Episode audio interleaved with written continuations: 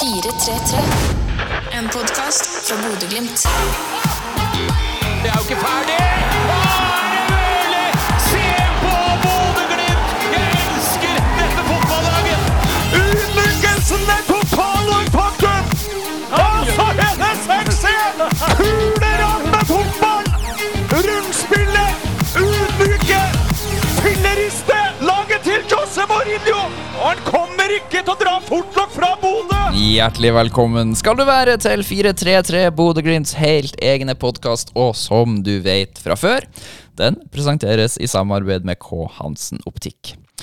Det er, eh, Vi har altså kommet til den 45. episoden av eh, podkasten 433. Eh, en liten milepæl, men jeg skal ikke bruke for mye tid på å på en måte bli salget nå, for det er bare fem episoder til vi er nummer 50, og da får vi heller prøve å, eh, å mimre, mimre litt mer da. Vi får se. Ikke utgangspunktet planlagt noe sånn Best of-sending, men kanskje det er en idé. Eh, vi får se hva jeg finner på til den tid. Uansett, eh, den 45. episoden, den, eh, der får vi besøk av Runa Runar Espejord, som du allerede har lest i tittelen på episoden. En, eh, en episode jeg tror mange har gleda seg til. Eh, Som dere vet, så er han jo en, en artig kar i media, så det blir eh, gøy å, å få han på besøk hit eh, og få prata litt med han om eh, ja, årene han har hatt i Bodø-Glimt, og eh, mer til. Eh, jeg må bare igjen minne om, du, dere som hører på fast, dere vet jo dette allerede, men jeg, jeg driver og bunkrer opp med episoder nå når vi er på treningsleir i eh, Spania, så akkurat her og nå, der jeg sitter nå, så er det 23. januar, eh, og vi er i Spania, sånn at eh, Verken jeg eller han Runar har noen som helst slags formening om hvordan eh, det har gått mot eh, Lek Poznan, og eventuelt eh, etter det, og, og før det, for så vidt. Den siste kampen som ble spilt, var en treningskamp mot Viking, når vi sitter her, sånn at dere er klar. Det er grunnen til at vi ikke snakker så mye om akkurat de siste kampene. Men eh, det har vært nok av andre kamper å snakke om uansett, så eh, jeg tror at eh, det hele ble en veldig fin prat som jeg gleder meg til å dele med deg. Og siden jeg gleder meg så mye, så skal jeg ikke dra det noe særlig lenger ut. Nå åpner vi opp døra og slipper inn Runar Espejord. 433. Han er målmaskin og har vel en av tidenes Glimt-debuter på samvittigheten. Som tromsøværing i helgult så har han nok sannsynligvis fått høre det, men i Bodø er han elska av fansen. Skadene er forhåpentligvis historie, og nå går han i gang med sin andre sesong på topp for Glimt. Han er en sitatmaskin, men trives aller best i bakgrunnen. Sjøl om han likevel stikker seg fram med både frekke hårsveiser og fiffige uttalelser innimellom. Og nå har vi også lurt han på plass i podkasten. Velkommen til 433, Runar Espejord. Takk for det. Du, eh, hvordan har du det? Jeg har det veldig fint. Eh, Vi har vel akkurat Ja, eller akkurat nå å komme meg opp fra senga etter ei, ei tøff uke eh, sjukdom. Eh, Men eh, det, vi, vi er på bedring igjen. Litt eh, hosting og harking og, whiskystemme igjen, men eh, det, det skal vi klare å, å komme, oss, komme oss gjennom. Ja, det er bra. Vi eh, minner jo om også at, at podkasten her er jo spilt inn i januar. Det er derfor vi nå sitter i Spania, og du har nettopp vært syk, er nå frisk. Og så eh, publiseres jo dette en gang i framtida etter kampene mot Lek og derfor så kan ikke vi her sitte og snakke om eh, når du skårer etter tre minutter i den kampen. Det er sant. Det blir litt feil, ja. Ja. Så det er grunnen til at, at praten ikke dreier seg om det. Men eh, nå, her vi sitter akkurat her og nå, da, før eh, sesongen går i gang hvordan, eh, Du har vært sjuk, sier du, men hvordan kjennes kroppen? Er du Nei, det kjennes veldig, veldig bra ut. Det er jo en av de ja, første eh, Første gang på, på ti år nesten eh, at jeg kjenner at eh, jeg har et, et viss form for, for grunnlag å, å bygge videre på. Um, mot, mot utpå høsten, på slutten, så kjente jeg at kroppen virkelig begynte å, å, å komme seg, og, og evnen til å hente seg inn imellom de, de kampene og det tette kampprogrammet vi, vi spilte. Så, så har det vært å, å vedlikeholde, prøve å vedlikeholde det nå i, i ferien, og så nå møte opp og, og kjenne at jeg er på et helt annet sted enn, enn der jeg møtte opp i, i fjor i januar. Mm. Og hvis vi tar eh, høsten som du nettopp var gjennom med Glimt nå når du er inne på det, så eh, på slutten her så skåra du jo i hver eneste kamp du spilte, nærmest. Du fikk virkelig dreisen på det etter hvert. Ja, ting Det tar jo litt tid, egentlig, ofte når det, det, Spesielt i Glimt er det jo mye, mye nytt og, og ting å forholde seg til. eh, Og når du både kommer til, til måten å gjøre ting på og, og intensiteten i, um, i, um, i laget. Eh, så er det mye, mye man skal gjennom for å, å liksom bli vant til det eh, og, og, og komme inn i den kulturen, og, og samtidig slippe seg litt løs. da. Um, og det følte jeg at det begynte å komme seg på, på høsten, virkelig. Um, Så nå blir jo nøkkelen når man først skårer ett mål, det blir vel å prøve å, å skåre to mål, kanskje, i hvert fall. Mm. Jeg har eh, to mål i én kamp. Jeg. Har, eh, hadde du noen av de i fjor? Jeg hadde vel én mot, mot Linfield når jeg kom inn i, i pausen, men ellers var det bare en enmålskamper. Og det, det kan vi jo ha som, som utviklingsmål i år. Ja, Det er jo veldig fint. Her har du et resultatmål kamuflert som utviklingsmål. Ja, egentlig. Det er litt sånn for, for fansen sin der, kanskje. Men du, eh, altså Vi skal snakke mer om det året du har vært igjennom i, i Glimt etter hvert, men eh, der vi er nå, altså eh, Det er veldig stor konkurranse på, på spissplassen i Bodø-Glimt. Eh, Lars Jørgen Salvesen eh, jo, gikk veldig hardt ut og ønska å bli her, og jeg har jo hatt han som gjest tidligere i år i podkasten der han snakka om at han ønska å ta opp kampen. I tillegg er Lasse Nordås tilbake fra Tromsø, og eh, Faris Pemi henta inn fra Kristiansund. Hvordan ser du på konkurransebiten i Glimt?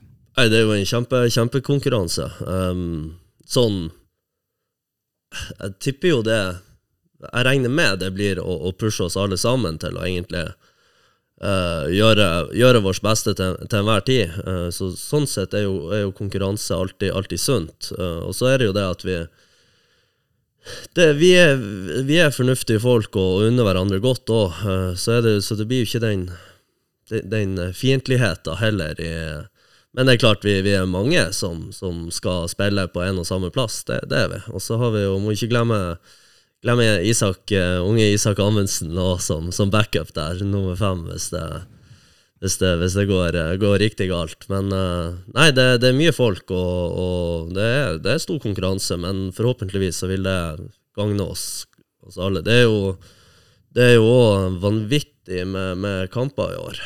Med cupen som spilles to ganger i tillegg der. Så Eller vi, vi får håpe på at det blir vanvittig mye, mye kamper. Um, så Nei, det, det er jo Man skal jo ha masse folk klar til å, til å gjøre en jobb i tillegg, og så er det jo å finne en, en balanse på det som, som uh, Både i treningshverdagen og Det blir jo litt rullering og sånt i, i treningshverdagen, men det er nå heldigvis eh, trenerteamet sin jobb å, å styre med. Mm. Ja, og når du nevner dette med mange kamper, altså potensielt så kan det jo bli 100 kamper i år, skal jeg si. Det kan det ikke, men eh, er og godt over 60 kamper hvis man på en måte går til finaler i alle ligaer og, og sånn. Eh, men i fjor så var det òg mange kamper. Det var tett kampprogram. Eh, du spilte en god del. Eh, treningshverdagene blir, det blir færre av de, og flere kampdager. Hvordan er det å være ja, i den situasjonen? Ja, altså det merka jeg at det, det, var, det var vanskelig å holde treningshverdagen oppe eh, sånn med, med det kampprogrammet vi har. Og, så det er, jo, det er jo en veldig fin hverdag hvis du er i elveren. Og så er det jo litt eh, tøffere hvis du er utafor, for du, du får ikke de Man prøver jo å få treningen så god som mulig, men eh, det, er ikke, det er jo ikke så mange på de treningene som som, som det burde vært, eh, eller som det, kunne vært med, én kamp i uka. da. Eh, så, så det får en litt sånn varierende treningshverdag i, i de, de tetteste programmene. Og hvis er du inne i det, så er det, så er det en veldig fin, fin hverdag hvor du nesten bare spiller kamp og, og restituerer. Men eh, det er jo Nå er vi jo mange, mange på, på, spesielt der på, på spissplassen som, som ja, det, blir, det, blir, det kan bli litt tøft hvis man ikke er inne, da. Mm. Ja, og, og for de som lurer litt på hvordan på måte, treningshverdagen til Glimt henger sammen, så er det jo sånn at eh, de elleve pluss eh, innbyttere som nå er fem, eh, som gjerne har spilt eh, søndag, eh, de har en annen form for trening mandag. Så de, som, de sju som er igjen, de står bare og triller ball inn litt på mandag. Ja, det blir litt sånn prøve å få, få jobba litt. Og det er noe Det blir litt sånn én mot én og, og tre mot tre og, og litt sånt, da, for å prøve å få litt intensitet i, i arbeidet, i hvert fall. Det, så, så man i hvert fall får, får jobba litt. Mm. Eh, Er det en slags ekstra motivasjon til å komme seg inn i den elveren? At hverdagen blir kjedelig, på et vis? Eh, Ja, helt klart. Ja. Det er det. Jeg har eh, vært veldig forsiktig, og jeg syns ikke at vi har den aller beste gymmen i verden på, på Aspmyra heller. Den er litt, uh, den er litt mørk. Uh, Og kald også. og kald òg, ikke minst. Så det har, eh, det, det har vært litt sånn i året som har vært nå, at det det er en ekstra motivasjon til å, til å holde seg unna skader og, og, og det, den plassen der, i Ja. hvert fall. Ja, Når vi er inne på skader, altså jeg sa det i introen her at du eh, altså Skadene dine er forhåpentligvis historie. Du har vært en del skadeplager tidligere i karrieren. Hva er det som eh, har vært grunnen til det, tror du? Nei, det er jo Det har jo primært vært uh, lyske og litt sånn Tidligere da jeg var ung, så var det jo mye sånn vokse, vokseplager som, som de fleste unger egentlig kanskje blir utsatt for. Men uh, vi uh, har jo funnet ut at vi espejordinger har ufattelig dårlig lysker.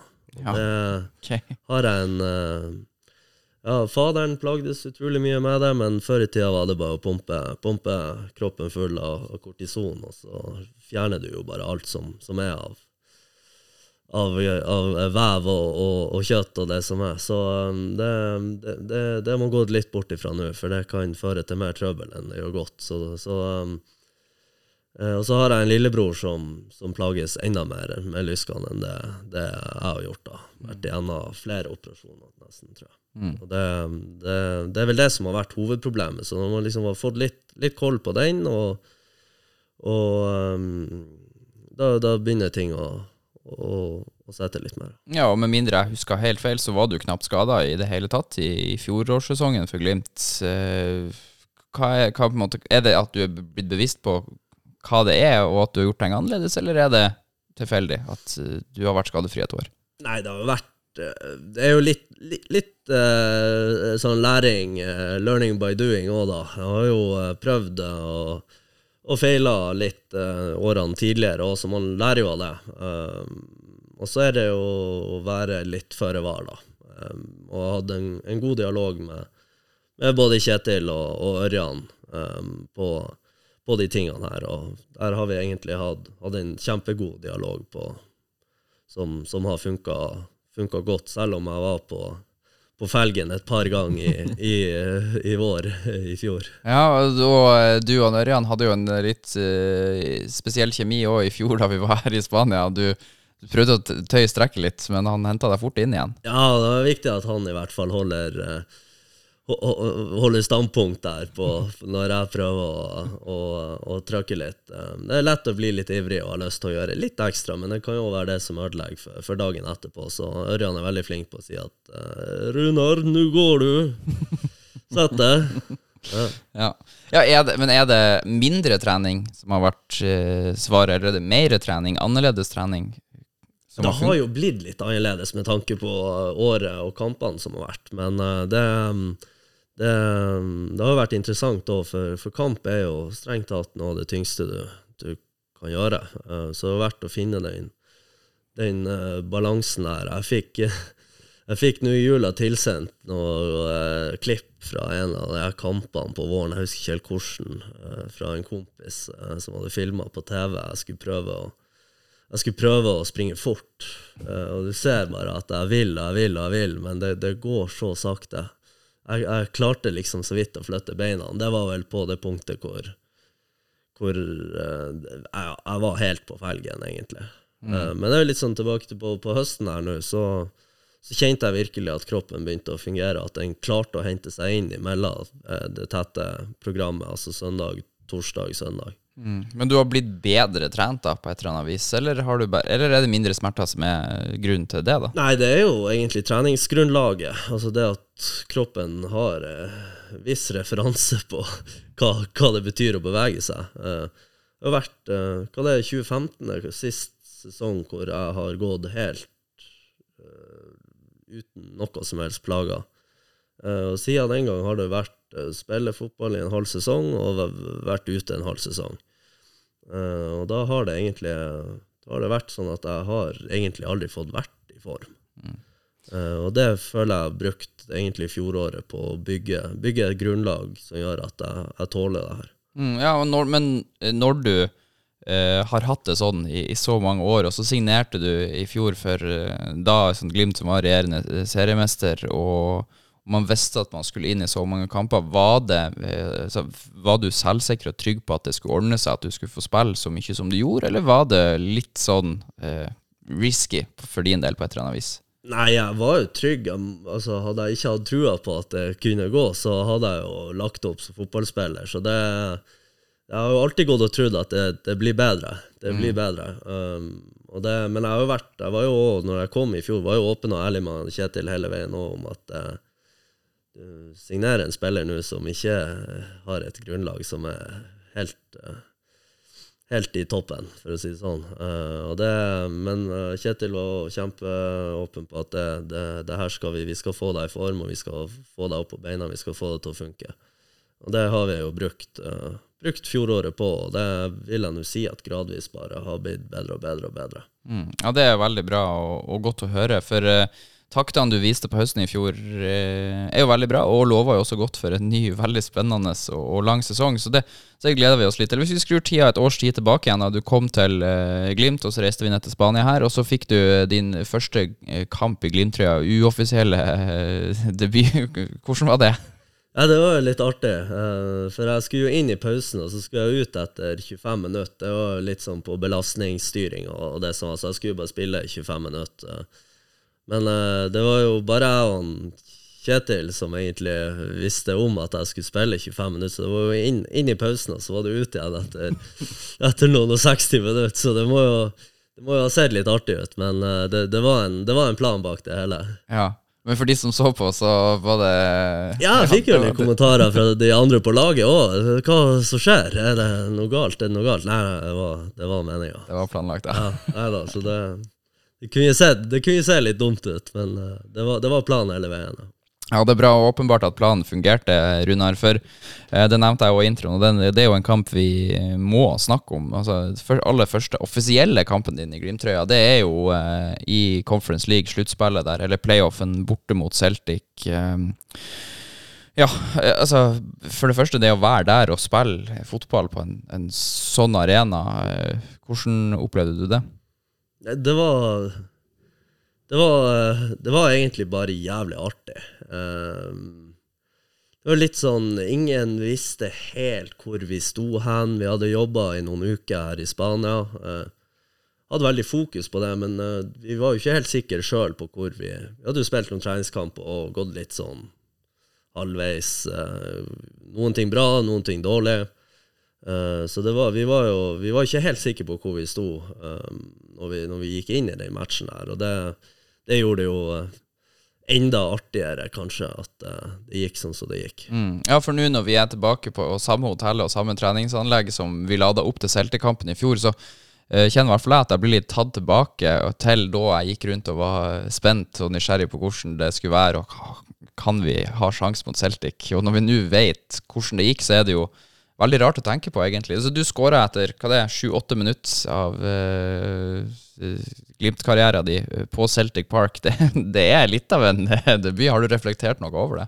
Ikke så mye, egentlig, nei, men det, det, det kunne jo sånn sett ikke gått eh, eh, veldig mye bedre. Uh, kunne kanskje skåret to eller tre, hadde jo vært fantastisk, men uh, det var vel eh, det jeg husker godt, var at før, rett før vi gikk ut, så kom han Sigurd Kvile bort til meg og sa at uh, tok, liksom, tok meg i handa, nå kjører vi, og så um, Seks minutter.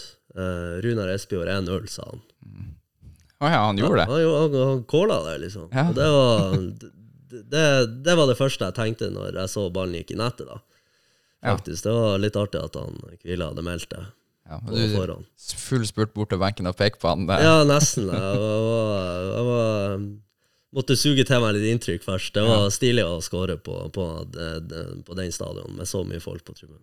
Ja, for det er jo også spesielt. Altså, det, jo, det har jo vært eh, mange debuter i Bodø-Glimt opp gjennom årene, og de fleste er jo borte mot Sortland i cupen, eller uh, Mosjøen borte i andre runde i cupen. Altså den type. Men du debuterer liksom på eh, Celtic Park. Det er Ja, Når du sier det sånn, så har jeg ikke tenkt så mye på, på akkurat det, faktisk. Men eh, nei, det da, da blir det litt kult, da. Ja. Ja. Men, men eh, altså, du sier du sugde inn inntrykkene. Også eh, tenk nå på altså Stadion ble jo helt tyst idet den ballen går i mål. Og etter det så var det jo ikke noe liv før de skåra igjen mot slutten her. Nei, jeg tror jo sånn sett var det en ganske viktig skåring, egentlig. Eh, For det var jo litt sånn heksegryt når vi kom ut, og så begynte kampen, og så skårte vi jo med en gang. Eh, og da ble det stilt. Og vi skårer to, og plutselig skårer de ett, da. Og da kjente vi jo på et trøkk som vi ikke hadde kjent på uh, enda der nede. Um, og enda råere da er det jo at vi går rett opp og skårer den uh, tredje skåringa, og da blir det stilt igjen. Men uh, hvis det hadde kampen hadde havna i litt sånn feil spor der, så, så, så hadde de eh, noen desibelnivå inne som, som, som ikke er vant til å spille foran. Og det er jo utrolig deilig når man vet at det på en måte er egen fortjeneste, men eh, jeg syns også det no, altså, eh, Stadion og, og atmosfæren der er jo berykta, men vi fikk aldri oppleve det. Altså, det er litt antiklimaks. Det var litt som med bismak at vi kom og spilte der. Det var jævlig stille når vi var der. Ja, nei, det, det Faktisk litt, ja. At det, det, det For vi lurte jo litt på i- sånn i pausen at eh, ja, Det var jo ikke så eh, ikke så, Men det var vel fordi at vi, vi hadde kampen i vår spor, da. Men eh, som sagt så fikk vi jo smake litt på det på den uh, reduseringa. Ja, og så fikk vi jo også kjenne på det i Roma mm, et par måneder senere, for der var det trøkk. Ja, det, kan, jeg, det har ikke jeg vært borti før, eh, egentlig.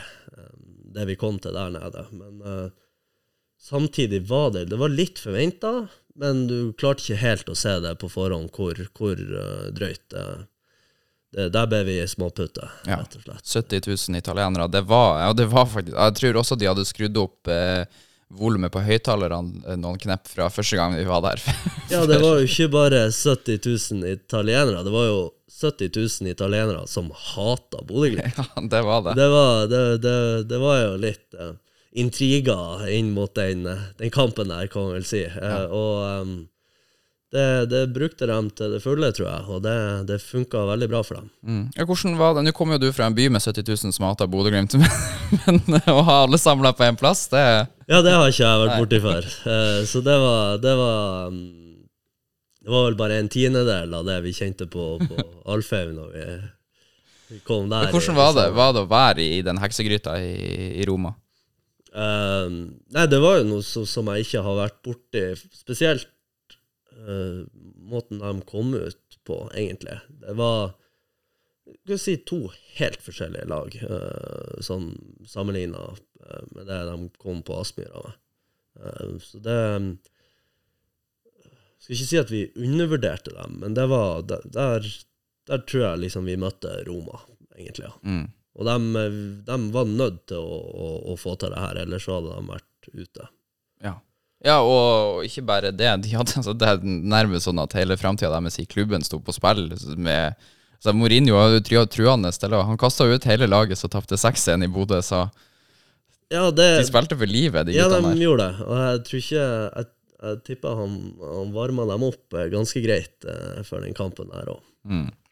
Ja, altså, eh, hele det europaeventyret Nå endte det jo i Roma, men eh, man kom helt til kvartfinalen i, i Conference League. Og, og som vi var inne på, så Celtic, dobbeltoppgjøret der. Vi hadde også noen fantastiske oppgjør mot uh, Asat Alkmaar, eh, med liksom krona på verket og ekstraomganger, og Alfons Samsted som avgjør. Eh, fortell litt om det å være med på, for dette er jo på en måte Det er starten på Glimt-karrieren din. Ja, det er rart å tenke på, eh, for det føles ikke ut som at jeg bare har vært her i et år. Vi har opplevd så, så sinnssykt mye på, på det året her, og det, det var jo en av de, de grunnene til at jeg, jeg um, ville til Glimt. var jo å få, få, få de her opplevelsene, og det, det har ikke, det har ikke skuffa i det hele tatt, for å si det sånn. Nei, du, altså, sesongen 2022 har stått til forventningene dine. Ja, det var vel det jeg konkluderte med på slutten, at det, det har vel egentlig gått eh, Altså, jeg har eh, Så når, jeg har fått ting litt på avstand, så har jeg spilt cupfinale. Jeg skulle ønske jeg kunne si at jeg har vunnet cupfinale, det har jeg ikke. Eh, Men jeg har spilt cupfinale, jeg har spilt uh, Europaliga, jeg har spilt Champions League-kvalik, uh, sølv i Eliteserien. eh, ja, noe har glemt å ta med nå. Conference League. eh, Kvartfinale i Conference League. Det, det, det det er ikke ting du trodde at du skulle få si at du kunne gjøre med et uh, norsk uh, fotballag, nesten. Nei. Nei, og et nordnorsk fotballag, til og med. Ikke minst. Ikke minst. Ja, hvordan er det? For det eh, kjenner du på altså, du, nu, Som jeg sa i stad, du er jo fra Tromsø, sånn at der, der er det jo litt rivalisering. Men kjenner du på en nordnorsk stolthet når du er ute og spiller med Glimt? Ja, det er, jo, det, er jo det, det er jo det som er min tilknytning til, til, til Glimt, på en måte. Det er jo at vi er nordnorsk. Eh, Så det blir litt som å kjenne litt på at vi er å representere Nord-Norge. Eh, ikke, ikke bare Norge, men, men Nord-Norge. Og det syns jeg er det, det er jeg utrolig stolt over å få gjøre, egentlig. Eh, og jeg syns det er dritkult. Ekstra motiverende. Mm. Hvordan er det? For jeg har jo eh, vært litt ute og kjent litt på, på livet blant supporterne på disse turene vi har vært på, og, og eh, der ser jeg ofte liksom, guttegjenger med Espejord eh, på ryggen, og jeg har vel skjønt etter hvert at du har en liten sånn fanskare, kompisene dine som følger deg. Eh, hvordan er det å ha de med på tur? Nei, det, det er jo artig. Eh, Det som er litt kjedelig, er når, når, eh, når de har bikka et visst antall øl, eh, så begynner de å ringe meg på FaceTime fordi at eh, de skal vise de andre de er sammen med, at de kjenner meg. Ja, nettopp. Ja. Uh, ikke meninga å oute dem så hardt her nå, egentlig, men det, det er litt slitsomt når jeg sitter i garderoben og skal ut og varme opp og bli ringt ned på FaceTime. Det, det kan være litt, eh, litt tungt, men eh, Nei, de var jo de, det er jo de turene der tror jeg er noen av høydepunktene liksom fra, fra året deres i, i fjor. De sier de har det helt fantastisk. Og så har de jo møtt noen kjernekarer på, på de turene her òg, så de, eh, de er, er storfornøyd med, med de turene. Men jeg er litt skuffa over at de ennå ikke har vært i Bodø og sett, ja, de har ikke det? De stiller bare på, på de lengste turene. Det er det billigste øl? man Ja, det- ja, det er Ja. vel, eh, vel det beste måten å si det på. Men, eh, men eh, supporterne våre så generelt, da, de, altså, de har jo bidratt med de, allerede på Celtic Park der, og hele året har det jo vært helt fantastisk. Og når vi er inne på dette med liksom nordnorsk stolthet og det å, å kjenne på det, det betyr veldig mye, det vi driver på med for veldig mange, helt åpenbart. Hvordan er det å stå og se på og være en del av? Jeg syns jo det er, det er jo helt fantastisk å se. Uh, altså hvor uh, Hvor mye det betyr for så mange. Og, um, og det er vel Det er vel altså et av de de største kulturelle innslagene man, har i, i løpet av et år, er jo kamp på, på Aspmyra. Ehm, det er vel ikke mange konserter som som, drar flere folk, eller um, mer tilknytning til, til det å faktisk dra. Det er jo hva det er, 14-15 hjemmekamper i løpet av året, eh, i serien bare. Gudene vite hvor mange ekstra bonuskamper man får, som jeg kaller det, i, i andre turneringer. Men eh, det, er jo, det, det er jo ingenting som drar så mye oppmerksomhet og, og så store begivenheter så ofte, egentlig. Eh, så det er jo, det er en fantastisk sak for, for hele byen, egentlig. Og, og ikke minst når så mange kjenner tilknytning til det og, og, og bryr seg om det. Så det, det er helt fantastisk. synes jeg. Ja, og så har du sånne opplevelser som eh, Arsenal borte i, på Emirates med Hvor mange var det? Jeg nesten glemt tallet Nummer 3000-4000 nordlendinger på, på tribunen som, eh, som samla seg og som søng i 90 minutter, og faktisk i den kampen òg er laga mye med bedre liv enn hva Arsenal-supporterne klarte.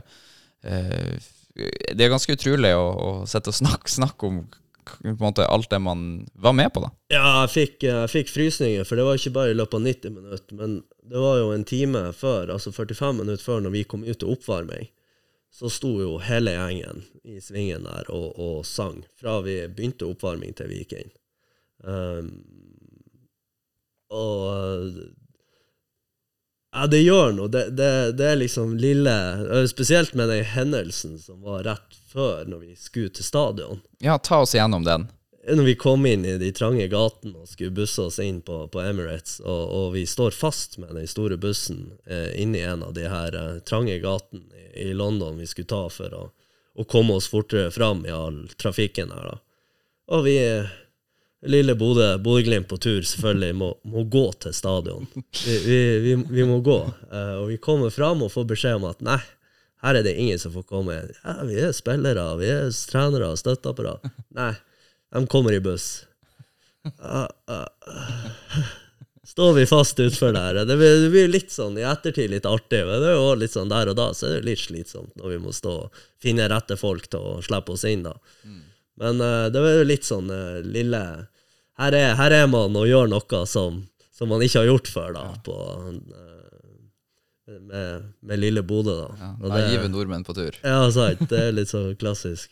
Ja, også, jeg har jo også et bilde av det. Jeg var jo med på den bussen, og når Altså, det var noen Glimt-supportere utenfor stadion, og når vi på en måte går forbi, og, og de hilser, så skjønner de eh, at det var Kjetil Knutsen de hilste på, nettopp kommer trøende der. Eh, det var ikke masker som, eh, som folk hadde spart siden Roma-kampene.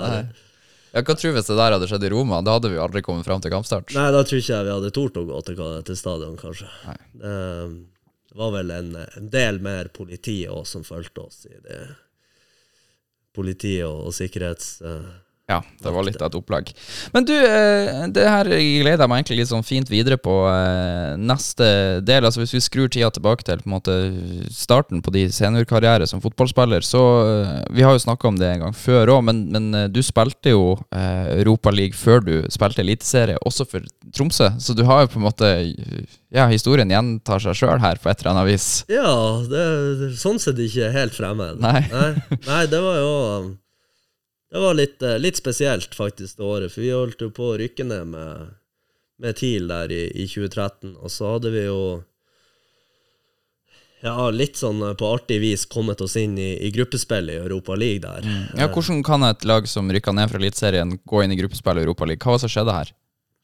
Uh, ja, nei, man kan jo ofte takke seg litt sånn for, for prestasjoner gjort uh, året tidligere, da. Men, eh, men det, det var jo da på den tida den fair play-regelen, og jeg tror det er bare minst gule kort.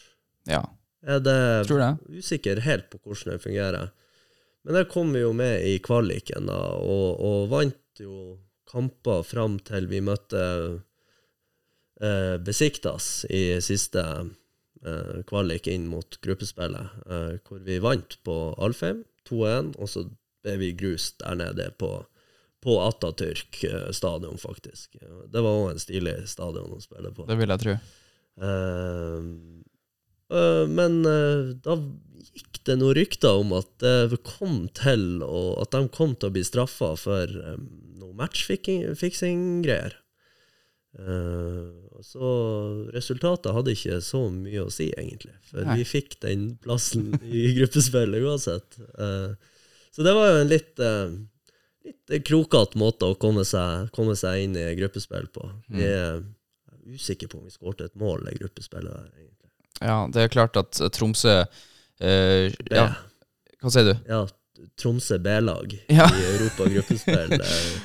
Ja, for A-laget plagdes jo ganske greit i Eliteserien, som vi var inne på. Endte jo opp med å rykke ned til slutt i 2013, og så, og, og så ender man opp med å sende et B-prega lag ut Ja, i det var jo imens eh, de siste kampene foregikk, egentlig. Så de gruppespillkampene ble jo spilt med et veldig B-prega mannskap. Mm. Så det var jo god læring for meg. Ja, altså Du ble på en måte eh, veid og funnet for lett for Eliteserien eh, i en sånn viktig kamp om å overleve eh, på den tida. Og Så da fikk du heller spille mot Tottenham og Ja. Tottenham, Arnski og Sheriff Tiraspon. Det er ok, ok navn. sett. Eh, Men ja, det, var, det, var, det var vel bare Jeg tror jeg ble tatt opp på A-laget den sommeren der, 2013. Sommeren 2013, og så var det et par Da hadde, da hadde jeg ikke trent med A-laget i det hele tatt. og, og og liksom, Jeg hadde ikke nesten sett for meg at det skulle bli sånn på, på den tida. At jeg skulle spille A-lagsfotball. Um, jeg trivdes veldig godt med på, på B-laget og spilte kamper. Og, og, og jo, begynte å gjøre tingene mine ganske godt, egentlig. Eh, Men jeg hadde bare ikke helt sett for meg at, eh, A-lagsfotball var innenfor rekkevidde. Så skjedde det på knips, og så plutselig sto jeg der og skulle inn mot eh, Tottenham. Ja, du er jo Veldig surrealistisk. ja, ja, det er jo det, for du er jo òg veldig ung. Altså Det er jo ti år siden nå, så du var jo 16-17 år gammel. Ja. Det, ja, ja, takk for at du sier at jeg Jeg håper du mente at jeg enda var ung. Selvfølgelig. Ja. Nei, ja, nei, tida flyger jo, eh, og eh, det, på, på det tidspunktet var jeg det var, det var det som var så rart med det, var at jeg var veldig ung, og jeg så ikke for meg at det her ble å skje. Jeg hadde ikke nesten en- ens hatt en tanke engang at jeg skulle bli en del av, av A-laget. Ja, og man, det er jo noen steg fra altså, Tromsø B, så, så spiller jeg mot uh, Finnsnes 2, liksom, til, til Tottenham eh, og, eh, og London. Ja, du, så du, uh, Europaliga i London, det, der, der, har du, der stiller du sterkt. Jeg har jeg noen opplevelser. Jeg har til gode å vinne der, da. Ja. Det har jeg. Så eh, det må vi jo prøve på videre neste. Ja, da får vi håpe på Ja, vi kan jo møte Westham i sluttspillet etter hvert her nå. Ja, det kan fort bli en, en, en ny tur. Jeg har vel en jobb vi skal gjøre først, da. Ja da. Eh, det hadde vært, det hadde vært kult. Ja, det hadde det. Men eh, eh, så 17 år Men husker du noe om altså Du sier det surrealistisk, men husker du noe om på en måte hvordan du eh, Hva du tenkte der og da? Altså eh, For eksempel når du er i London og skal spille for TIL mot Tottenham borte i en alder av 16-17 år.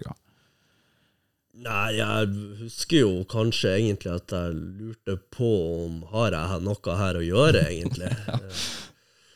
Eh, men samtidig òg, det, det var litt sånn eh, du, er helt ny og liksom tatt opp med voksne folk. Jeg var, var, var, kanskje litt sånn usikker på det tidspunktet, men eh, det var jo en trygghet i at eh, vi var flere som ble hevet inn i det i lag, da, Ja. på en måte.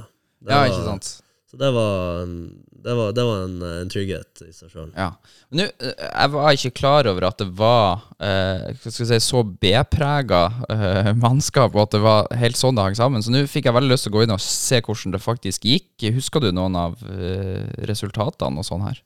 Uh, ja, jeg, men vi stilte Jeg husker vi stilte sterkt på, på White Hart Lane. Ja. Uh, for det var en det, det skulle de få være med på, selv de som skulle Ja, i aksjon på Ja. søndagen. ja for Eh, det er selvfølgelig òg et hensyn man bør ta. Ja, men vi var Vi hadde Altså, jeg husker spesielt Anshi hjemme. Da var det Da var det spillere som Som ikke spilte mye. Mm. Ja, man åpna jo borte mot Tottenham. Eh, nu- eller 0-3 der, da. Så den har du copy-paste på mot Arsenal eh, Ja. for Glimt. Det blir cirka sånn. Og så har du eh, 1-1 mot eh, Sheriff i eh, kamp nummer to. Eh, Arnchi borte, eh, tap 1-0. Og tap 1-0 hjemme. Tap 2-0 i de to siste òg, mot Tottenham og Sheriff hjemme borte. da Ja. Så det ble ett mål Det ble faktisk ett mål, da. og ett poeng. Det ble to strengt tatt, for den ene kampen men jeg husker at det var Ruben Kristiansen som skårte selvmål i. Så det helt på slutten. Eh, ja, ikke ifølge alt om fotball, men det trenger jo ikke å bety noe. Det, kanskje bare var en tabbe, da. ja, ja. Dere var jo en mann mindre siste kvarteret der, så rota det fortsatt bort. Ja. Eller en mann mer. En mann mer, ja. ja. en Ja. mann mer. Ja, da var det Ja. Sednek Ondrasek som uh, skåra i den kampen der. ja. Eh, da har vi fått, fått det, det på plass. Eh, ja, for du debuterte Din aller første kamp var mot Follo i cupen der eh, i 2013. Eh, og så rett ut i Europa. Og så kom på en måte eh, et år i Obos-ligaen for Tromsø sin del. ja. Eh, hva husker du fra den sesongen? Jeg husker ikke så veldig mye. Det var en del innhopp. Eh, og så fikk jeg én start, og det var mot Sandefjord. Spilte lav 5-4-1, så det var, det var, det var, det var en, en tung mulighet å få. Mm. Jeg tror Sandefjord var veldig god det året, faktisk. Jeg tror de gruste egentlig hele Obos. Jeg tror ikke vi var nært, og jeg tror vi kom på andreplass det året. Mm, det kan godt hende at det stemmer. Jeg orker ikke å klikke inn på alt om Nei. fotball igjen og undersøke om du har rett. Eh, For det, men, og da blir det really sånn det, Tromsø rykker opp igjen, og så eh, er det teit å si, for du er fortsatt ung, eh, 19-20 år, men du fikk først eliteseriedebuten din i 2015. ja, eh, 19 år var jeg. Ja, Eh, To år etter at du har debutert i Europaligaen. Ja, faktisk. Det er litt spesielt. Ja, det er ganske vilt. Eh, jeg tror faktisk, har ikke bare debutert, jeg hadde vel kanskje var vel involvert i fire av de gruppespillkampene. Så det, det Det er en litt artig vei å ta, da. Ja, det er uvant uh, vei.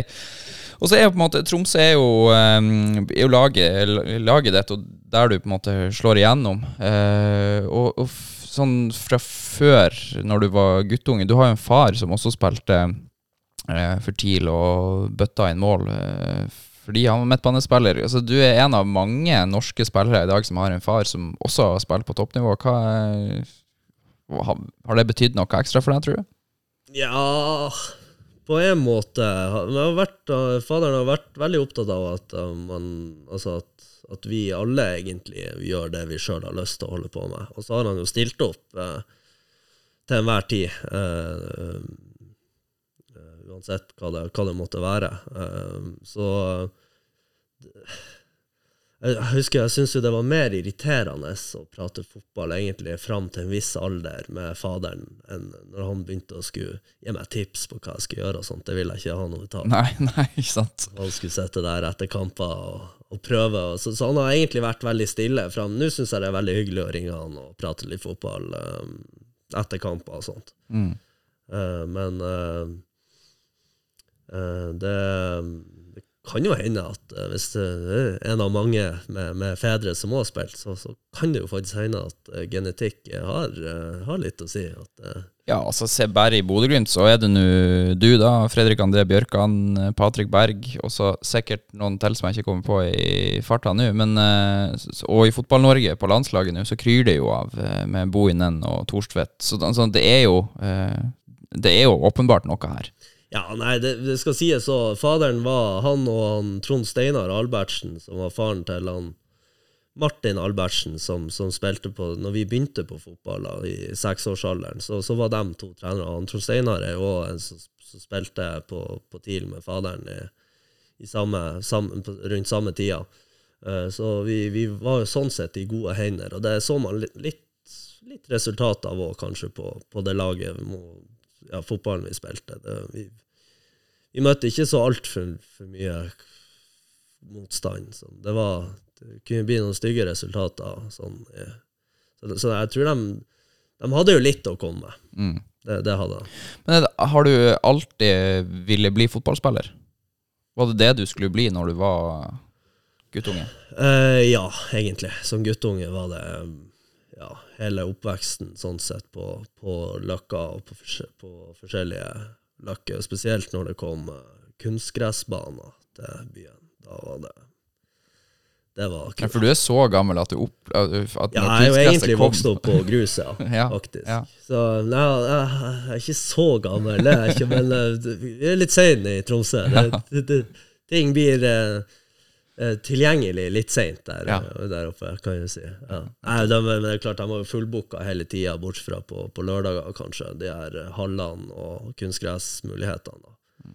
Så hadde, hadde faktisk en liten kun, nei, en, en eh, grusbane rett utfor huset, på, på fellesløkka til gata. da. Mm. Ja, hva var det du på en måte drømte om, da? Var det England og Premier League, eller var Tromsø drømmen? Altså, hva, husker du noe om hva du ønska å oppnå? Nei, ikke egentlig. Jeg tror ikke jeg hadde altså, ja, drømmer. Det, det var nå å spille fotball. eh, Men jeg har alltid vært litt sånn leve i nuet, egentlig. Jeg har aldri tenkt så mye på Eller drømt om noe sånn hva jeg ønsker, men eh, jeg husker jo når Idet Fernando Torres gikk til Liverpool fra Atletico Madrid, så var det det var det som fikk meg til å ville spille spiss, i hvert fall. Så um, jeg var jo jeg var jo midtbanespiller en gang i tida, eh, men det tror jeg passa meg fint, for jeg var ikke like lojal eh, defensivt som jeg var framover i banen. Ja, Eh, så, ja, så det, det, det, det passa meg veldig fint. Var du en målfarlig midtbanespiller, sånn at den delen av spissjobben ble naturlig, eller måtte Ja, du gjennom egentlig. Ja. Det, var, det har jeg alltid, tror jeg, hatt, ja. Mm. Men var du, var, var du TIL-supporter og hadde sesongkort og gikk på Alfheim og sånn, eller mer fotball via TV og Nei, Jeg var det ganske tidlig, og så hadde jeg en periode hvor jeg syntes det var mye artigere å sitte og spille dataspill enn å dra på Alfheim òg. Um, så da ble det gjort i stedet. Og så ble jeg ja, litt eldre og begynte å bli litt sånn Når jeg begynte å komme på B-laget og litt sånn, da, da var jeg tilbake på, på Alfheim. mm, Ja. En del av jobben, på en måte. Ja, det var vel eh, litt før det, egentlig. Eh, men så ja, ble det jo en del av jobben òg etter hvert, da. Ja, selvfølgelig. Ja. Ja, når du skulle spille, så er det vanskelig Ja, å la være. Det, Ja, du får, eh, du får jo I 2019-sesongen mener jeg at, at du, du har en ganske ok sesong for Tromsø, til tross for at TIL går ned eh, før du drar til Nederland. Eller kanskje jeg er et år for sent ute nå? Ja, jeg tror kanskje det beste halvåret hvor jeg har vært Ja, for vi snakka halvår med deg, selvfølgelig. det har jeg glemt. Ja, vi opererer ikke med hele året. Nei.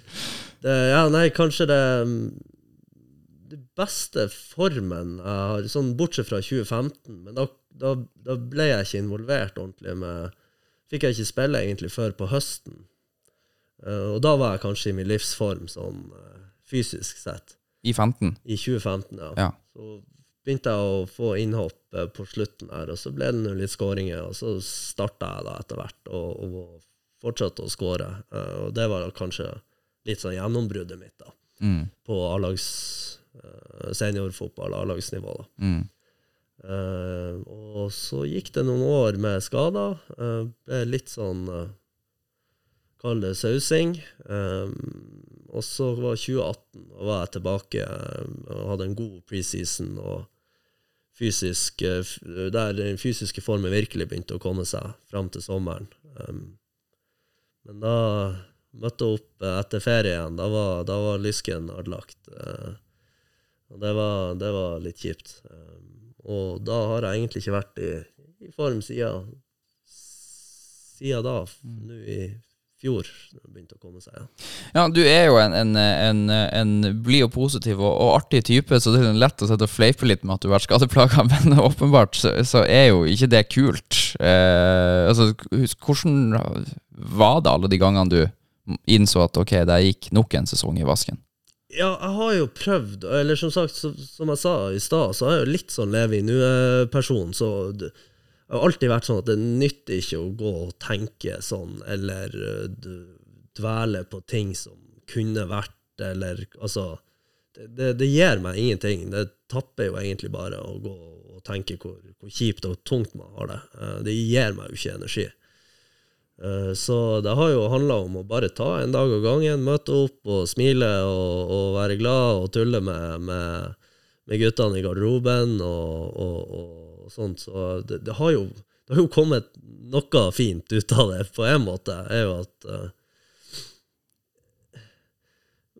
Prøve å bidra på forskjellige måter, da, i hvert fall, inn mot, mot ei gruppe. Um, men jeg skulle jo selvfølgelig helst ha sett at jeg kunne spilt uh, fotball uavbrutt. Men uh, jeg har det, dessverre vært, vært en av mange som, som ja, vært litt plaga. Mm. Jeg er jo ikke den eneste som plages, eller har plagdes med, med kropp. Så. Så, så synd i meg er det ikke, nei. Nei. Nei, altså det er jo fint å høre altså, når du tenker at ok, jeg kan ikke bidra med å skåre mål, men da kan jeg kanskje bidra til å hjelpe de som skal skåre mål, og, og gjøre det. Altså At du har vært Du har tatt, hatt på deg litt ansvar med å være en gledesspreder i garderoben, da. Ja, jo, i hvert fall Altså, det viktigste er jo ikke, ikke komme inn og så eh, gjøre det tungt for andre å være rundt deg når du, når du har det hvis du, hvis du har opplevd noe som er litt tungt da på, på så, så så er det for, både for egen del og for de andre sin del å, prøve å, å, å komme litt ovenpå, både med humør og, og fleiping, for, for det er nå alltid artig. Mm. Eh, Så du reiser jo til Nederland eh, og til Heerenveen. Eh, det er et sånn opphold som er på et, et par sesonger, én sesong, før du er tilbake i Tromsø på et lån. Eh, fortell litt om, om tida i Nederland, og hva, du på en måte fikk ut av det. Ja, jeg var jo også, på den Ja, jeg var òg like ærlig med dem på hvordan formen min egentlig var. Eh, Men jeg tror ikke de eh, helt skjønte hvor dårlig den var Nei. på det tidspunktet. Lost in translation? Ja, Nei, ikke det egentlig. Jeg tror bare de hadde et håp om at den var litt bedre enn okay. det den var. Eh, nei, så planen der var jo at jeg skulle komme den ned på vinteren her som Altså i januar der, som er midt i sesong for dem. Uh, og så tipper jeg de hadde håpa det skulle gå litt fortere enn en det de gjorde. da. Uh, men samtidig òg, når uh, formen begynte å komme seg litt, så ble jo hele verden stengt ned på, Mm. på en dag der. Og da Det var, det, det var kjedelig. Ja, og da, I Nederland så bare avslutta de sesongen òg, gjorde de Ja, ikke det? de kansellerte sesongen der. Men det var, det var litt vanskelig, for det var jo sånn som alt. Det gikk sånn uke til uke, og se om det er noen ny vurdering i neste uke, og ditten og datten. Eh, Men å sitte der nede alene i en situasjon man, man aldri har vært eh, borti før, eh, verken med ny klubb og, og pandemi, så, så, så var det Det syns jeg var pissekjedelig. Og da eh, når vi møttes opp igjen eh, i, det, var, det var vanskelig òg, fordi vi hadde et par svensker på laget som eh, De hadde jo ikke noen restriksjoner. Så hadde vi et veldig rart opplegg, så vi trente i to uker, og så hadde vi fri eh, to uker. Veldig sånn rart. Du trener uten kontakt i to uker, og så hadde vi fri i to uker. Så Bare, jeg tror det var for å prøve å vedlikeholde noe form eller eh, fysisk Eh, men eh, det gjorde jo ikke meg noe godt, for jeg kunne jo aldri reise hjem. Eh, for da hadde jeg jo sittet 14 dager karantene i kjelleren, bare hjemme hos mamma og pappa. Eh, så jeg fikk aldri reist hjem heller, og liksom kom meg litt vekk derifra. Så det, er usikker på, lurer på om jeg på et tidspunkt var litt deprimert, altså. Mm. Eh, så det var egentlig en veldig tung tid. Så når vi, når vi kom over sommeren der og begynte, å, og begynte opp igjen, og jeg merka at uh, vi er kanskje helt på, på, på, på samme bølgelengde sånn Ja, med Gikk kanskje ikke helt overens, jeg og, og treneren. Sånn, det var fin tone og alt, men kanskje tenkte fotball litt, litt ulikt, da. Eh, Så tenkte jeg at nå må jeg komme meg en plass og finne, finne både livsglede og, og, og glede, fotballglede igjen. Mm. Så da gikk det veldig fort, egentlig, fra jeg ringte hjem. Og sa, for da var det liksom «Nei, Nå må jeg bare komme meg en, komme meg en plass hvor, hvor jeg vet at jeg får henta litt energi og, og glede igjen. Mm. Og, og da er jo, ble jo Tromsø førstevalget ditt, og, heien dit på et lån eh, på høsten der i 2020, nå 2021, vel? Ja, det var jo 2020. Jeg var bare ni måneder i Nederland. Men det føltes ut som en evighet Mm. isolert i Ja, for i Nederland, han Håkon Evjen reiste jo ned samtidig som deg, eh, vel, og, eh, og opplevde akkurat det samme, at de stengte ned verden. Eh, liksom, men der var du på en måte Det var ikke snakk om å gå ut og gjøre noen ting. Der var alt stengt ned, og det var inne på leiligheta du måtte være. Ja, man kunne jo selvfølgelig gå ut, og, og, og man kunne jo dra på butikken, og, og, sånn som vi måtte gjøre da, var Vi alle fikk ei sånn polarklokke som vi skulle ha, og så gå ut og, og gjøre ei treningsøkt, og så laster vi opp den treningsøkta på, på den nettsida deres, da, og så, så får de liksom se eh, at vi har gjort økta, og hva vi har gjort da. Eh, det syns jeg òg var litt tungt, for eh, vi hadde mye løping, og jeg kjente jo ikke til området eller noe som helst. Nei. Jeg var jo inne Jeg måtte bare gå ut døra og springe som en tulling rundt i gaten inne i byen der. Eh, det, det var veldig, veldig spesielt. Eh, man ble levna litt, litt alene på, kan du si. Eh, men du nevnte Håkon. Jeg var jo faktisk og møtte han der etter hvert, når det hadde når ting på en måte åpna litt mer opp, og det åpna opp for treninger og sånt igjen. Så det var, det var trivelig. Men eh, ja, nei, Håkon har jo også vært litt sånn eh, Ja, litt sånn det, det var kanskje litt den situasjonen jeg ville unngå, eh, og derfor var jeg ganske kjapp og, å ringe Jeg er jo litt eldre enn Håkon, så jeg kjente litt på det også, at jeg må, jeg må bare få spille fotball. Mm. Ja, klart òg hvis man eh, mistrives eh, eh, så til de grader utenfor banen også, at da er det greit og fint å komme hjem i trygge omgivelser igjen. Ja, jeg kan vel si at jeg, jeg vurderte ikke å sjekke ut noe annet heller Nei. eh, på den tida. Nei. Men du ender jo opp i, eh, i Glimt, og når vi eh, snakker om dette med å på en måte trives og få tilbake livsgleden og sånt, altså, eh, Som tromsøværing i Bodø, går det bra? Altså, du har det fint hos oss? Jeg har det veldig fint. Eh, overraskende fint i Bodø. Det hadde jeg ikke trodd at det var før jeg kom til Bodø. Eh, nei, så det har vært, det har vært veldig fint. Eh, og så fikk jeg jo eh, eh, nedover òg, så det har vært, eh, det har vært eh, veldig, veldig fint. Ja, hvordan for du er jo den eh, første på en god stund som eh, går imellom disse to klubbene eh, på den måten du har gjort. Da. Hvordan, eh, hvordan har på en måte overgangen gått? Har det eh, vært fint? Eh, ja, egentlig. Eh, jeg hadde kanskje forventa Det ble jo noen reaksjoner eh, som, som var forventa.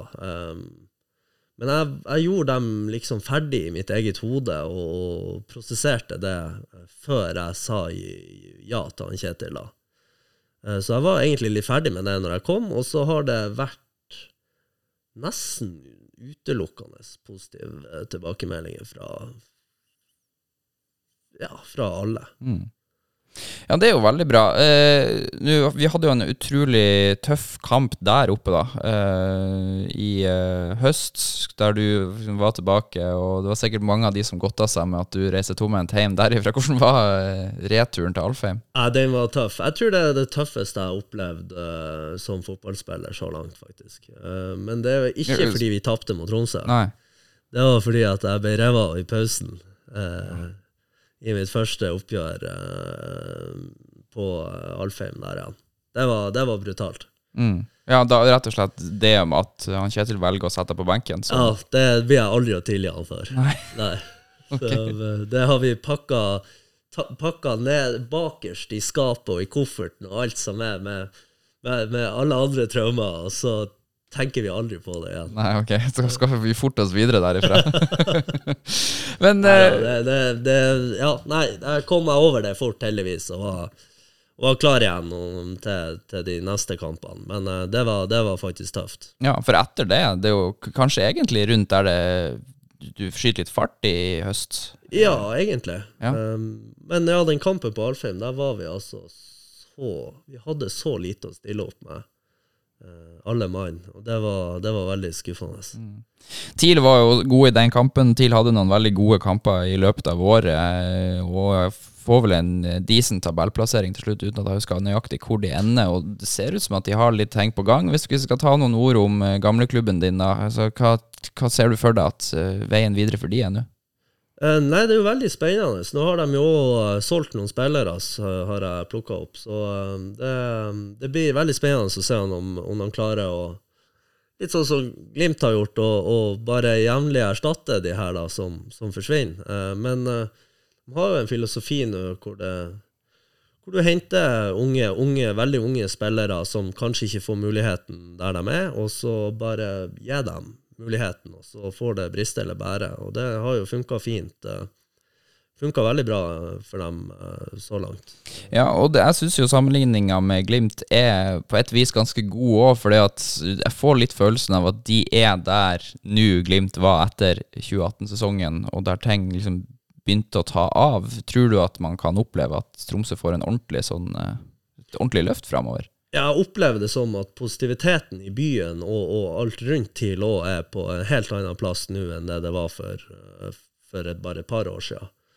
Um, og så er det jo det her med å, å, å, å ha en idé og en strategi, og stå i det og følge det uansett hvordan det egentlig er, eh, hvordan det går. Um, det tror jeg er en fordel. Um, og det er jo litt sånn som man Kjetil har kjørt eh, løpet her, da. Eh, det handler jo om å være tru til seg sjøl og tørre å stå i det. Mm.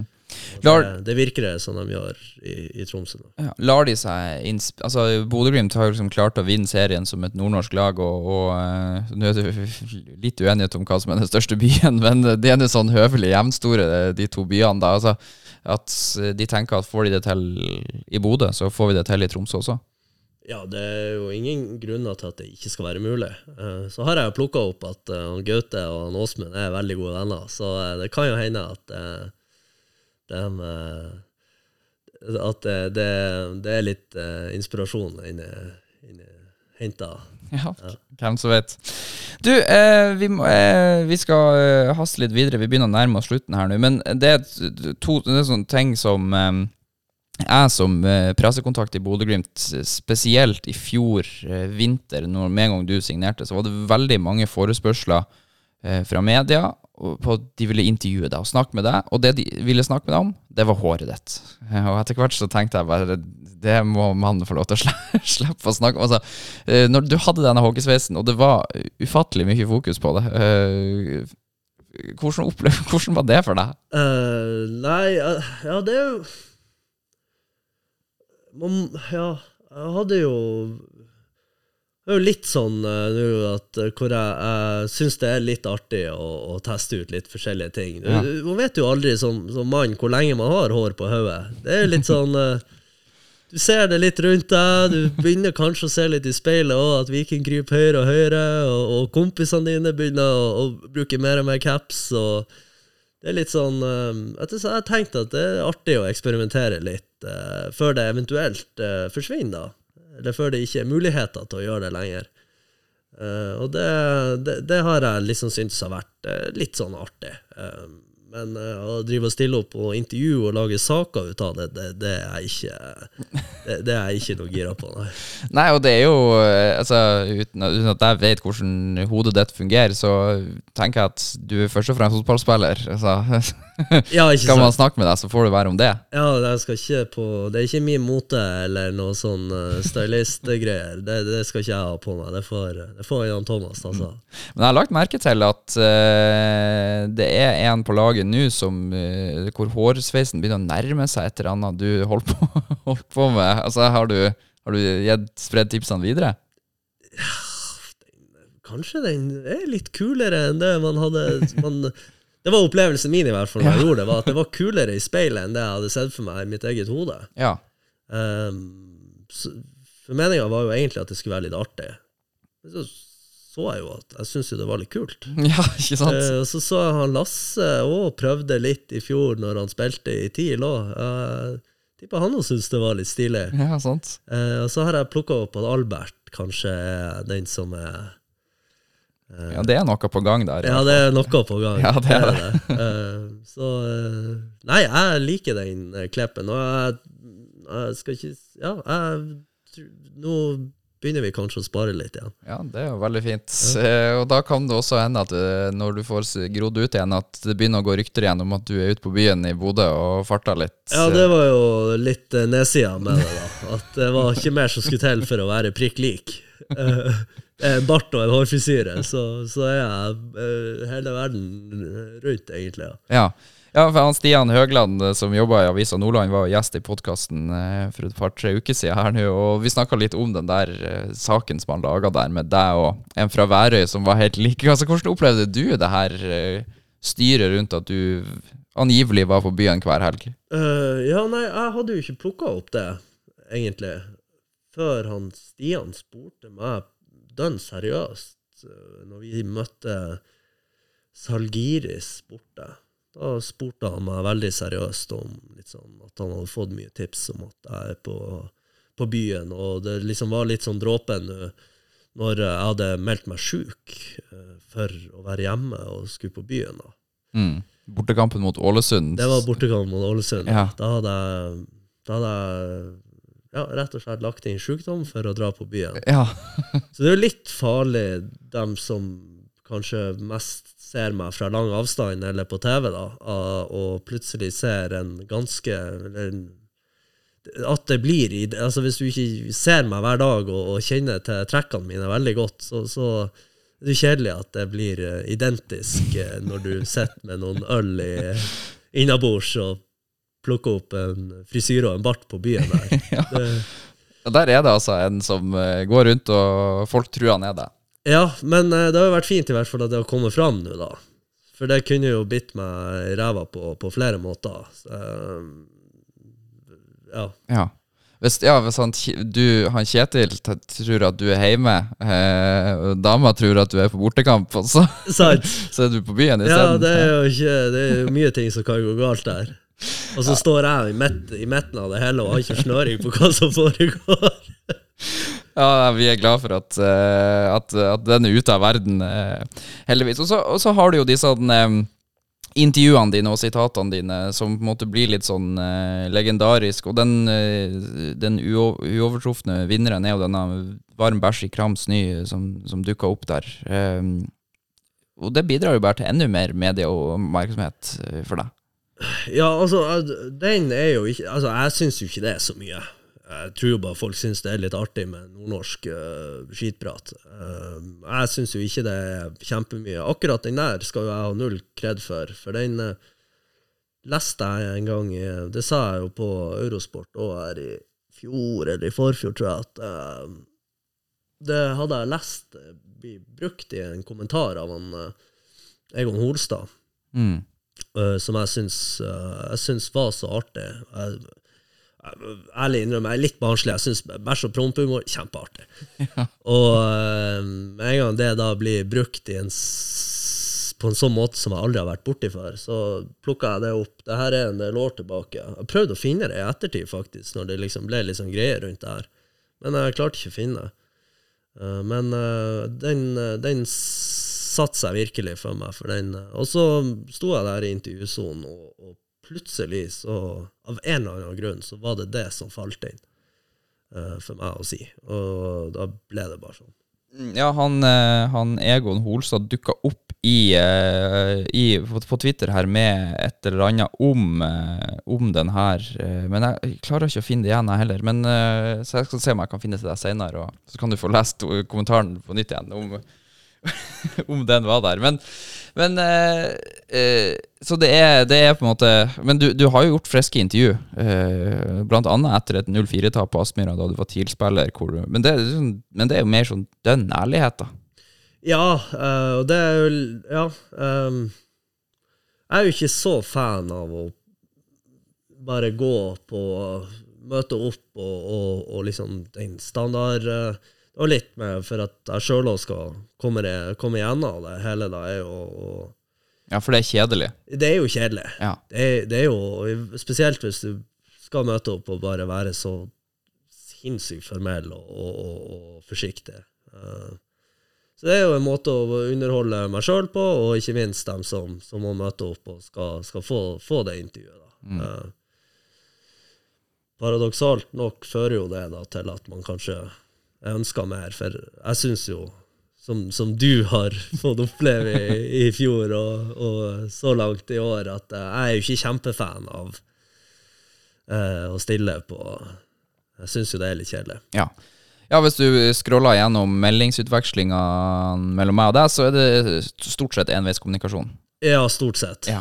Eh, ikke, det er ikke du som baser på meg, det er motsatt.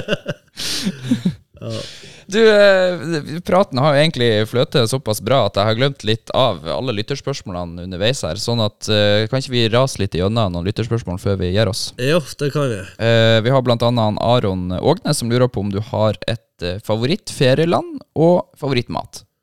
Ja, ja, det har jeg faktisk. Det er Kroatia. og Der har vi Der kjøpte mamma leilighet, og mamma og pappa et leilighet i 2006-2007, og vi har vært der egentlig hvert år uh, siden. Ja.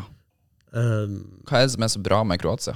Åh, nei, det må være havet. Ja. Det er så klart og fint, og Varmt. ikke minst. Ja. Eh, på, på, på sommeren, våren og høsten. Ja. Vinteren er ikke så eh, Da må man litt lenger sør. ja. Men eh, nei, jeg ble jo forelska i, i, i Kroatia når vi dro dit, og det var etter å liksom ha vært en sånn skikkelig Spania- Spania-gutt. Vi var veldig glad i å dra til Spania. Men når jeg kom til Kroatia, så fant jeg ut hva fine ferieland egentlig er. ja, ikke sant. Og mat. Favorittmat. Og skikkelig eh, biff, mann. Mm. Så en god biff er det ingenting. Hva, eh, hva er foretrekker du å ha som tilbehør? Eh, Det kan variere litt. Det kommer litt an på dagsformen, Ja. faktisk. Eh, Men generelt sett så er jeg veldig glad i um, i eh, fløtegratinerte poteter. Mm. Det, ja, det er godt. Det er veldig godt. Ja, det er det. Uh, Alexander lurer på hvilket nivå slash rank du har i CSGO. Som jo da er et eh, spe, videospill. Ja, Ja. jeg tror jo at svaret på det her eh, appellerer jo bare til dem som vet hva det er. Ja. I tillegg så Nei, det er CSGO og CS har jeg spilt eh, hele livet mitt, eh, egentlig. Sikkert mer enn jeg har spilt fotball. Nesten. Eh, så den um, jeg spiller ikke så mye matchmaking, eh, så, uh, men jeg spiller mye Faceit, og der tror jeg kanskje jeg faktisk pika. Det går veldig i perioder. De gangene jeg har vært skada, da har jeg hatt det høyest uh, Altså, um, det har vært mine peaks. Ja, ja, ja. Så på det verste så tror jeg faktisk jeg var ranka nummer Jeg tror det var 40 i Norge, faktisk. ja ja det jo, høres jo veldig bra ut. Ja. Ja. Det, det, hva det var 20, 2019? 2020? Jeg tror det var før NPL kom, for dem som vet hva, hva det er. Satt jeg og duokua med en, en kompis og klatra. Jeg skjønte egentlig ingenting. Ja. Nei, det var jo til dem som vet hva CS er, da. Ja, Men du gjorde det fortsatt Jeg fulgte fortsatt med på det du sa. ja så, det var hyggelig. Ja, så det er bra. Uh, Tina Gjøvik hun kjenner du sikkert til. Ja. Eh, hun lurer på om du kan ta en kjapp, uh, kjapp opplæring i hvordan man skal skjære fenalår. Um, ja. det kan jeg faktisk. Ja. Um, det kommer an på om du er som meg, eller er glad i å liksom tygge og nyte maten litt. da. Uh, smake litt på den. Hvis du er sånn som meg, så må du bare ta tak i det, og så skjærer du av den biten du skal ha. ja. Men hvis du er litt finere på det, så skal du jo skjære da litt sånn tynne uh, striper, og, og, så det blir eh. Men jeg er glad i kjøtt og tyggemotstand, så da blir det et feit stykke fenalår, og så bare bøtte ned. Herlig. ja, det er jo, det er jo godt. Eh, det er noen spørsmål her fra folk som Så hvis du har stilt spørsmål og vi ikke tar det opp nå, så er det fordi at du har svart på det tidligere, bl.a. gjensynet med Alfheim, noen Tromsø-sportere som har sneket seg inn her. Eh, eh, så er det selvfølgelig en del spørsmål om, om, eh, om denne sveisen din, og da kommer jo bl.a. 80-talls populærkulturen inn i, bildet. Hockeysveisen er liksom tilbake, og Kristoffer lurer på om eh, Eh, ja, om du, om du er god på 80-tallets populærkultur. Ikke i det hele tatt. Eh, jeg vil jo si det er en litt det, Jeg har jo ikke tort å dra den helt ut med hockeysveisen. Eh, det er jo en litt mo mer moderne variant, vil jeg si. Jeg har ikke dratt den helt ut med, med, med business in the front og party in the back. eh, uh, enda. Eh, men eh, så får vi se om jeg tør å dra den dit. Men eh, jeg har vært, vært litt finere i luggen enn det kanskje en klassisk, eh, klassisk eh, hockeysveis er. Ja. Han lurer også på hva som er favorittartisten din, og da kan vi jo legge 80-tallet bort og så åpne opp for et videre Ja, det, jeg liker all mulig slags god musikk eller som, som gir meg noe. og Det kan være egentlig alle sjangere. Favorittartist uh, Ja, det er litt vanskelig. Mm. Veldig glad i uh, Nothing Nowhere, Avdøde Juice World og uh, Bon Iver. Ja. Høres uh, perfekt ut. Et interessant spørsmål fra uh, Martin Steinholt her, uh, som lurer på hva Glimt kan lære av Tromsø, og motsatt. Og vi har jo snakka litt om at Tromsø kan la seg litt inspirere av Glimt, og du var litt inne på det i stad, men hvis vi snur det, da, hva kan Glimt lære av Tromsø? Ehm, ja, det Hva kunne jeg egentlig ha sagt der, sånn? Uh, ja, det- det er egentlig Jeg skulle til å si at det som uh, Gjennom mange trenersparkinger i TIL de siste ti årene, så um, så er det jo én ting som har gått igjen, eh, og som, som mange som går opp der og, og forsvinner seinere òg, tror jeg sitter igjen med. Det er litt sånn kameratskap, egentlig. Eh, Den gruppa det er vel det som har holdt eh, TIL flytende de, de siste det, Altså det som har holdt gruppa sammen og gjort at de har stått så sterkt, eh, særlig i veldig tunge perioder. Eh, Men eh, det er jo utrolig sterkt i Glimt òg. Ja. Så, så jeg vet ikke om det er så mye å lære, men bare forsterke det litt, kanskje. Ja, det syns jeg høres uh, veldig fint ut. Nordland Invest, uh, nå har du muligheten til å bli elska i den ene byen og hata i den andre. Han lurer på hva er den fineste byen, Bodø eller Tromsø? Ja, det var jo litt som vi var inne på i stad. Jeg var, over, jeg var overraska over hvor fin uh, Ja, Bodø er nede med, med havet, der jeg bor i hvert fall. Som er litt sånn nede på, på bysida, eh, langs stripa der, egentlig. Veldig fint å gå, å gå tur der. Eh, det som er, Og så er jo Bodø en by i utvikling. Eh, og det syns jo jeg er veldig frustrerende til tider, for det er jo arbeid hvert et hjørne.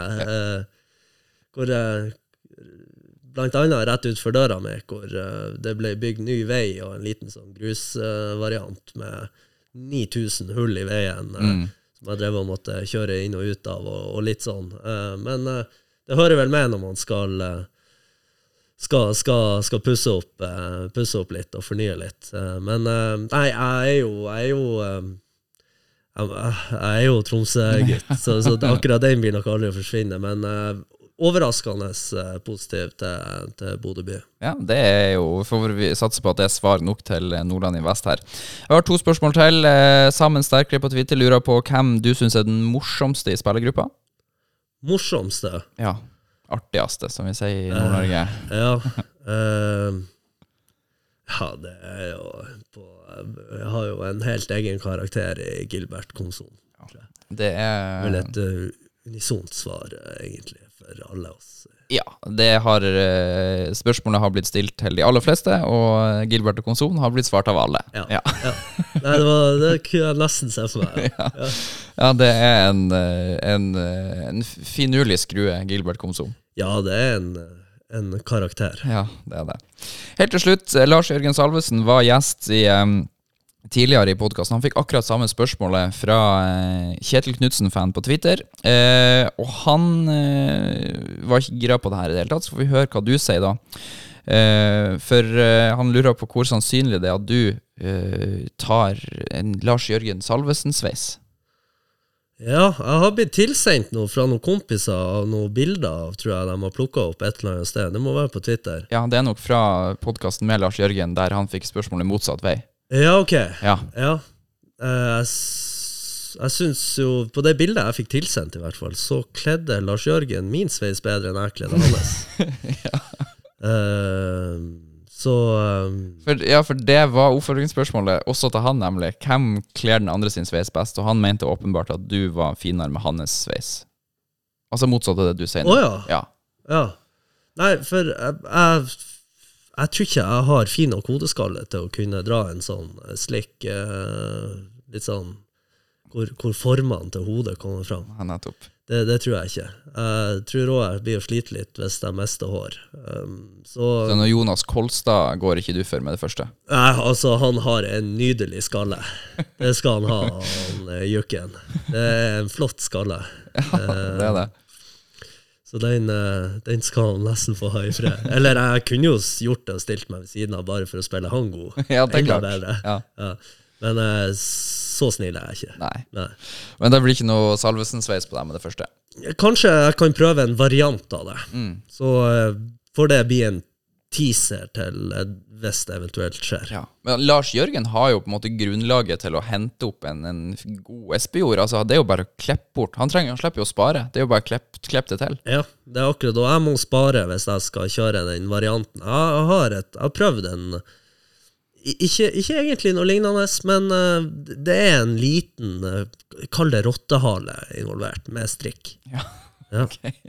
Så eh, jeg skal ikke si noe mer enn det, men vi får, eh, vi får se. Ja, det er bra. det. Du har sagt uh, veldig mye på den timen vi har sittet her, uh, Runar. Så jeg tror vi bare runder av nå. Det har vært veldig hyggelig å ha deg på besøk. Tusen takk for at du stakk innom. Ja, takk. Jeg er ikke så vant til det podkastformatet, men det var hyggelig å prøve det òg. Ja, ingen tvil om at han behersker også podkastformat, Runar Espejord, så det er jo veldig bra. Greit å ha på CV-en at man takler det også. Jeg tar eh, og eh, gjør, eh, gjør det kort og presist på slutten her. Neste uke er vi tilbake igjen, og nå vet jeg faktisk hvem som er neste gjest. Det er team manager i Bodø-Glimt, Truls Bjerke, reality-stjerna vår, som stikker innom oss. Da hyggelig å få bli litt bedre kjent med også de som jobber rundt A-laget. Så enn så lenge så håper jeg du eh, har det bare godt, og så sier jeg som alltid på gjenhør, ha det godt, og heia Glimt!